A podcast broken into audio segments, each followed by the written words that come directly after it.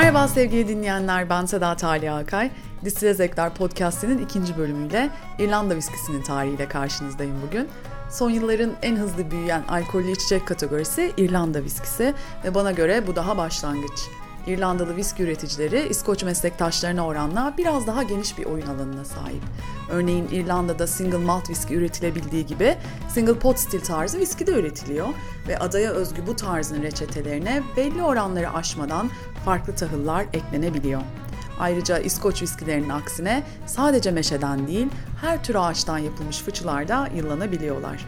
Şahsen kendi viskimde tercih ettiğim turbo kullanımından kaynaklı isli aromalar ise henüz pek girmedikleri bir alan.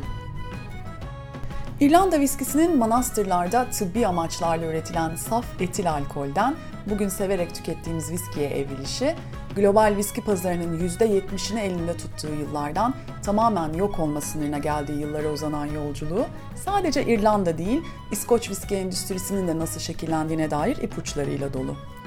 Ben bu podcast yayınında viskinin kendisine ve İrlanda topraklarındaki gelişimine odaklanacağım ama İrlandalı üreticilerin hangi sebeplerle viskinin yazılışına fazladan bir E harfi ekledikleri gibi İrlanda viskisinin dirilişinin mimarı kabul edilen Jameson'ın kurucusu John Jameson'ın 34 yaşında Dublin'e yerleşmiş bir İskoç olması gibi biraz daha popüler kültüre ait detayları, sektöre ve işleyişine dair ayrıntıları, Redbreast, Green Spot gibi endüstrinin diz çöktüğü yıllarda bile üretimi devam edebilmiş single pot stil viskilerin hikayelerini ise YouTube kanalımda yayınlayacağım bir videoda anlatacağım. O zaman şimdi gelin viskinin doğduğu topraklara, İrlanda'ya doğru tarihte bir yolculuğa çıkalım. Tarihte distilasyon işlemine dair ilk referansa M.Ö. 1200'lü yıllarda Mezopotamya'da yaşayan bir uygarlık olan Akkadlara ait tabletlerde rastlanıyor.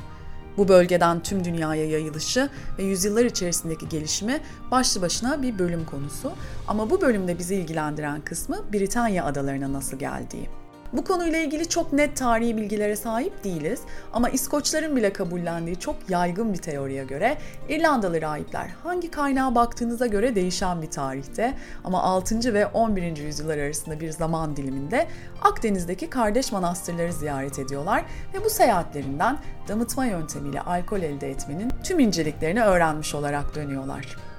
İrlandalı misyoner rahiplerin bir süre sonra İskoçya'ya seyahat ettikleri ve bu tekniği İskoç rahiplere öğrettikleri düşünülüyor. İrlanda ve İskoçya arasında yer alan Ayla Adası bu öğretinin başladığı yerlerden biri olarak kabul görüyor.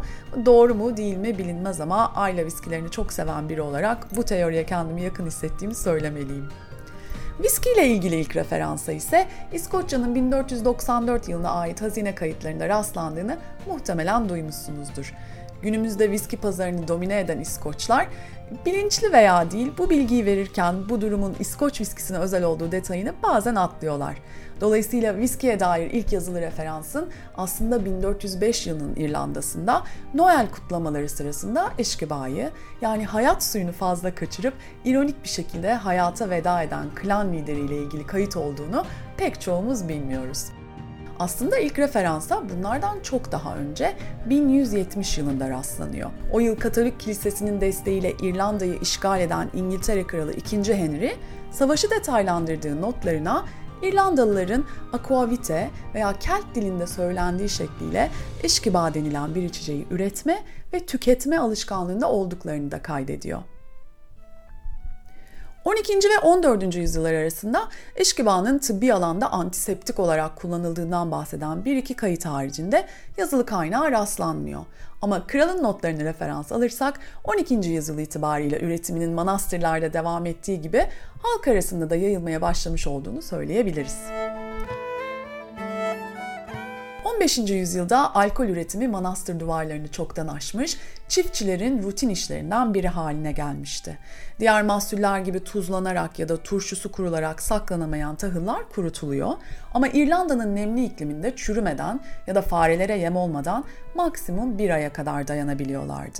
O yüzden aileyi ve hayvanları doyuracak kadar mahsul ayrıldıktan sonra geri kalan ne varsa alkol üretiminde kullanılıyordu. Damıtma işleminden arda kalan posalar ise çiftçilerin geçim kaynağı olan büyükbaş hayvanlar için besin değeri oldukça yüksek bir yem görevi görüyordu. Elde edilen likit formun stoklanması ve taşınması ham maddesinin taşınmasından çok daha düşük maliyetli olduğu gibi getirisi de bir o kadar yüksekti. Ayrıca birkaç yudumu da soğuk kış günlerinde ısınmak, dört mevsim sosyalleşmek için birebirdi. Yani faydaları saymakla bitmeyen işkebağının üretimi İrlandalı çiftçiler için keyiften çok çoğu zaman bir hayat memat meselesiydi. Tabii 15. yüzyılın işkibası bugün viski dediğimiz içeceğe hiç benzemeyen ama zaman içinde söylenişi gibi tadı da severek tükettiğimiz viskiye evrilecek olan bir içecek. Üretiminde sadece arpa, yulaf, buğday gibi tahıllar değil, o iklimde yetişebilen patates, pancar gibi kök sebzeler de kullanılıyor. Olgunlaştırma kavramı bir 300 sene kadar daha yok. İmbikten nasıl çıkıyorsa başı, sonu, göbeği ayrılmadan o şekilde tüketiliyor. Haliyle birçok şair ve yazarın sözleşmiş gibi farklı eserlerde kafaya alınmış sert bir darbe olarak tanımlayacağı kadar zor içimli. Bu sebeple de nane, kekik, anason gibi aromatik bitkilerle karıştırılarak, bazen cin üretiminde olduğu gibi bu bitkilerle yeniden damıtılarak Bazen de direkt şeker hatta süt katılarak içilebilir hale getirilmeye çalışılan bir içecek. Ama zor içimine karşın yine de evlerden çıkıp publara yolunu bulmuş, paranın olmadığı yerlerde değiş tokuşta kullanılan, hatta bazı arazi sahiplerinin kira yerine kabul ettiği son derece değerli bir varlık işkiba.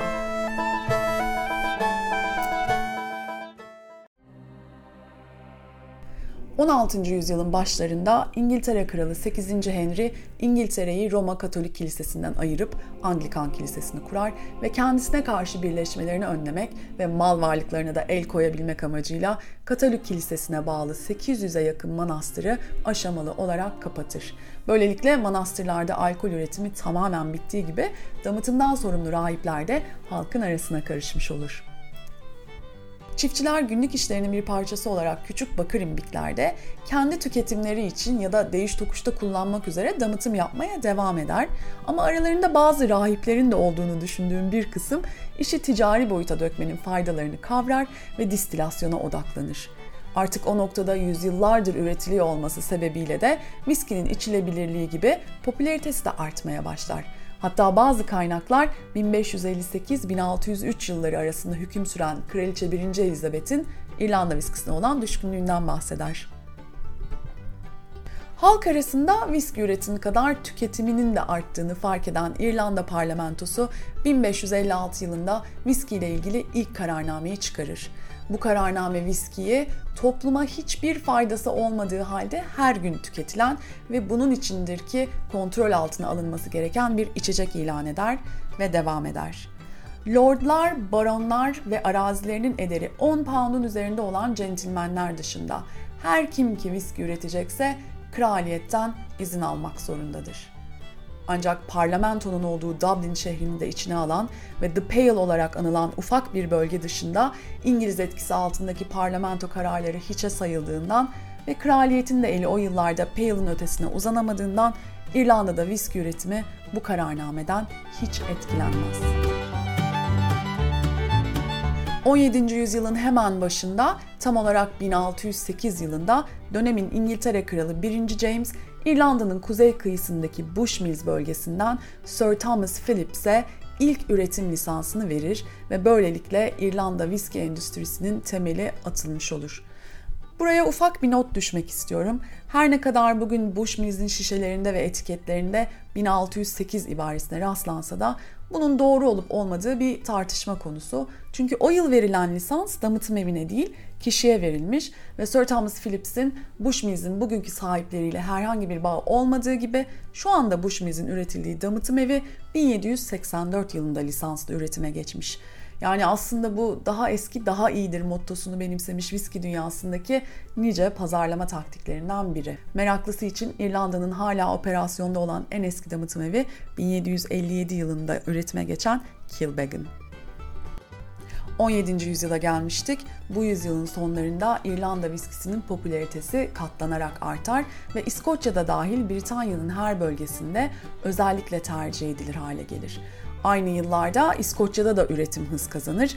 Başka milletlerle sürekli savaş halinde olan İngiliz hükümeti bu savaşları finanse etmek için aynı hızla viskinin ham maddesini ve üretimini vergiye tabi tutmaya başlar. 1661 yılının Noel'inde İrlanda ve İngiltere'nin tamamında geçerli olmak üzere bir kanun yayınlanır. Bu kanunla viskinin lisanssız üretilemeyeceği ve tüm viski üreticilerinin galon başına 4 kuruş vergi ödemekle mükellef oldukları deklare edilir. 18. yüzyıla geldiğimizde İrlanda'da viskiye olan talep kayda değer oranda artan nüfusun da etkisiyle ciddi bir ivme kazanır. Bazı üreticilerin nitelikten çok niceliğe önem vermeleri ve viskilerinin kalitesinden ödün vermeye başlamaları üzerine 1759 yılında viskinin malt, tahıl, patates ve şeker dışında hiçbir malzemeden üretilemeyeceğini karara bağlayan parlamento, 1779 yılında çıkardığı yasayla da vergi kaçakçılığının önüne geçmeyi hedefler. Bu yasa yürürlüğe girene kadar sadece ürettikleri viski üzerinden vergilendirilen üretici, bu rakamların manipülasyona açık olduğu gerekçesiyle yıllık üretim ve çalışma kapasitesi üzerinden vergilendirilmeye başlar. Bu hamle ufak çaplı üretim yapan lisanslı damıtım evlerini yer altına girmeye mecbur bırakır. Yasa yürürlüğe girmeden hemen önce 1228 olan lisanslı damıtım evi sayısı kademeli olarak 32'ye kadar düşer. Dublin, Cork gibi yerel satışların yüksek olduğu şehir merkezlerindeki damıtım evleri üretime devam eder. Bu damıtım evlerinin piyasaya sürdüğü maltlanmış ve maltlanmamış arpanın karışımından yapılan ve geleneksel bakır imliklerde 3 kere distile edilen Pure Pot stil viskinin şanı Britanya'yı da aşar ve dünyanın en fazla tercih edilen viskisi olur. Az önce bahsettiğim 1779 yılında devreye giren vergilendirme sistemi, evet viski üzerinden toplanan vergileri arttırır ama yasal üretimi neredeyse imkansız kıldığı için pazar gitgide genişlediği halde vergi toplanabilecek yasal damıtım evleri değil, hükümetin ulaşamadığı illegal damıtım evleri artar. Bu yanlışından 34 yıl sonra 1823 yılında dönen parlamento bir iyileştirmeye gider ve vergi oranlarını %50 düşürür. Bunun sonucunda da 93'e çıkan damıtım evi sayısıyla İrlanda, Britanya'nın alkol üretim merkezi haline gelir. Artık Dublin dünyanın en yüksek üretim kapasiteli 5 damıtım evine ev sahipliği yapmaktadır ve premium kabul edilen Dublin viskisi global viski pazarının %70'ini elinde tutar. Peki her şey bu kadar yolunda giderken o yıllarda hala oldukça zor içimli ve henüz standarda oturmamış olduğu için pek tercih edilmeyen İskoç viskisi nasıl olur da ön plana çıkar? Kendisinden önce birden fazla mucidin üzerinde çalışıp geliştirdiği, sürekli damıtım sağlayan kolon imbik tarzını geliştirerek Coffee Stil adıyla patentini alan Aeneas Coffee, kraliyetteki vergi ve gümrük baş memurluğu görevinden emekli olmuş bir viski üreticisiydi.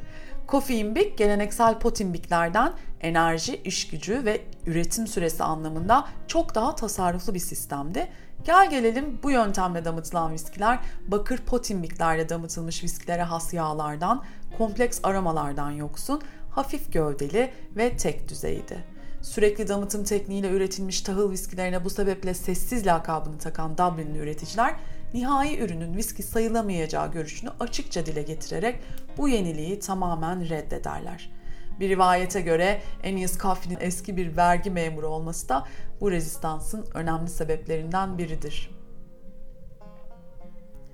Patentini aldığı 1832 yılından işini Londra'ya taşımak zorunda kaldığı 1834 yılına kadar İrlanda'da bu yeni icadını pazarlamaya çalışan Enias Coffey tek bir satış yapar. Taşınmasının ardından İskoçya'ya yaptığı ilk satışlar ise cin üretimi yapan damıtım evlerinedir ama 1840 yılı itibariyle İskoç viski endüstrisinin kapılarını aralar ve İskoç viski üreticisi Coffee Imbi bağrına basar çok hızlı bir şekilde saflaştırılan ama yoğun aromalardan yoksun buğday, arpa, yulaf gibi tahıllardan üretilen bu hafif gövdeli alkol turba dumanında kurutulmuş arpadan üretildikleri için oldukça yoğun aromalı isli, topraksı notalarıyla içimi biraz zor olan malt viskilerle karıştırılır ve harman viski tekniği doğar. Bu da viski endüstrisini sonsuza dek değiştirir. Dış pazarı daraltmaya başlayan bu gelişme yaşanırken 1830'lu yılların sonunda alkolü yasaklamaya hedef alan dini bir hareket oldukça başarılı olur ve 3 milyon İrlandalı alkolü bırakmaya and içer. hemen ardından yaklaşık 1 milyon insanın telef olmasına ve bir o kadarının da ülkeden göç etmesine sebep olan 1845-1849 yılları arasında yaşanan büyük kıtlıkla iç pazarda da ciddi anlamda daralma başlar. Ancak İngiliz İmparatorluğu'nun hakimiyetindeki ülke pazarlarının yanı sıra Kuzey Amerika'da da İrlanda viskisine olan talebin sürekli artmasına karşılık İrlanda'da özellikle Dublin'de viski üretimi katlanarak artmaya devam eder. 1900'lü yıllar ise ard arda gelen felaketlerle İrlanda viski endüstrisinin neredeyse sonunu getirir.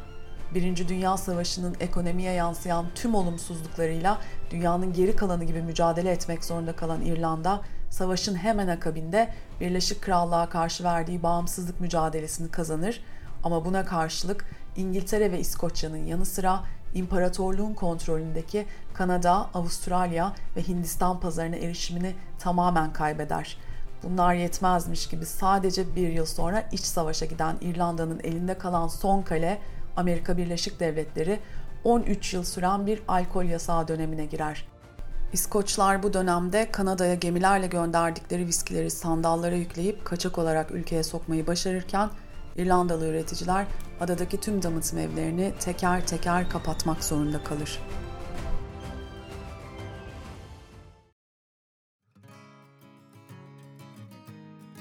Tüm bu olumsuzluklara rağmen üretime devam edebilen 3 damıtım evi John Jameson Son, John Power Son ve Cork bölgesinde hali hazırda birkaç damıtım evinin birleşmesinden oluşmuş olan Cork Distilleries akıllıca bir hamleyle güçlerini birleştirirler ve 1966 yılında Irish Distillers Limited kurulur.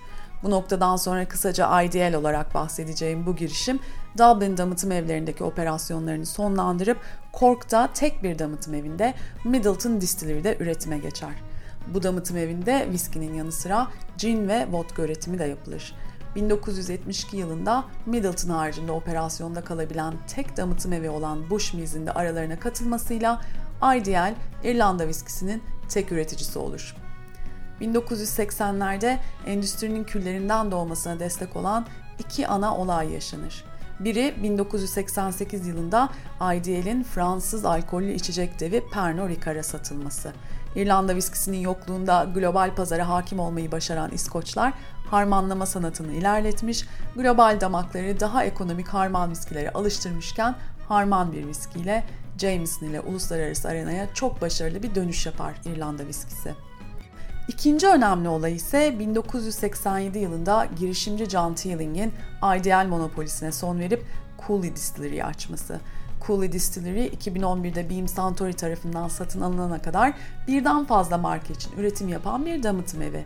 Suntory bu markaların bazılarının üretimini durdurma kararı verir ve üretimi durdurulan markaların bir kısmı tamamen yok olurken bir kısmı da kendi damıtım evlerini açar. İrlanda viskisi böylelikle yeniden çeşitlilik kazanmaya başlar. Bugün İrlanda genelinde 40'a yakın damıtım evi var ve yenileri için planlar yapılmakta. Ama uluslararası arenada eski popülaritesine ulaşması için viski ile ilgili her şeyde olduğu gibi biraz zaman geçmesi gerekir.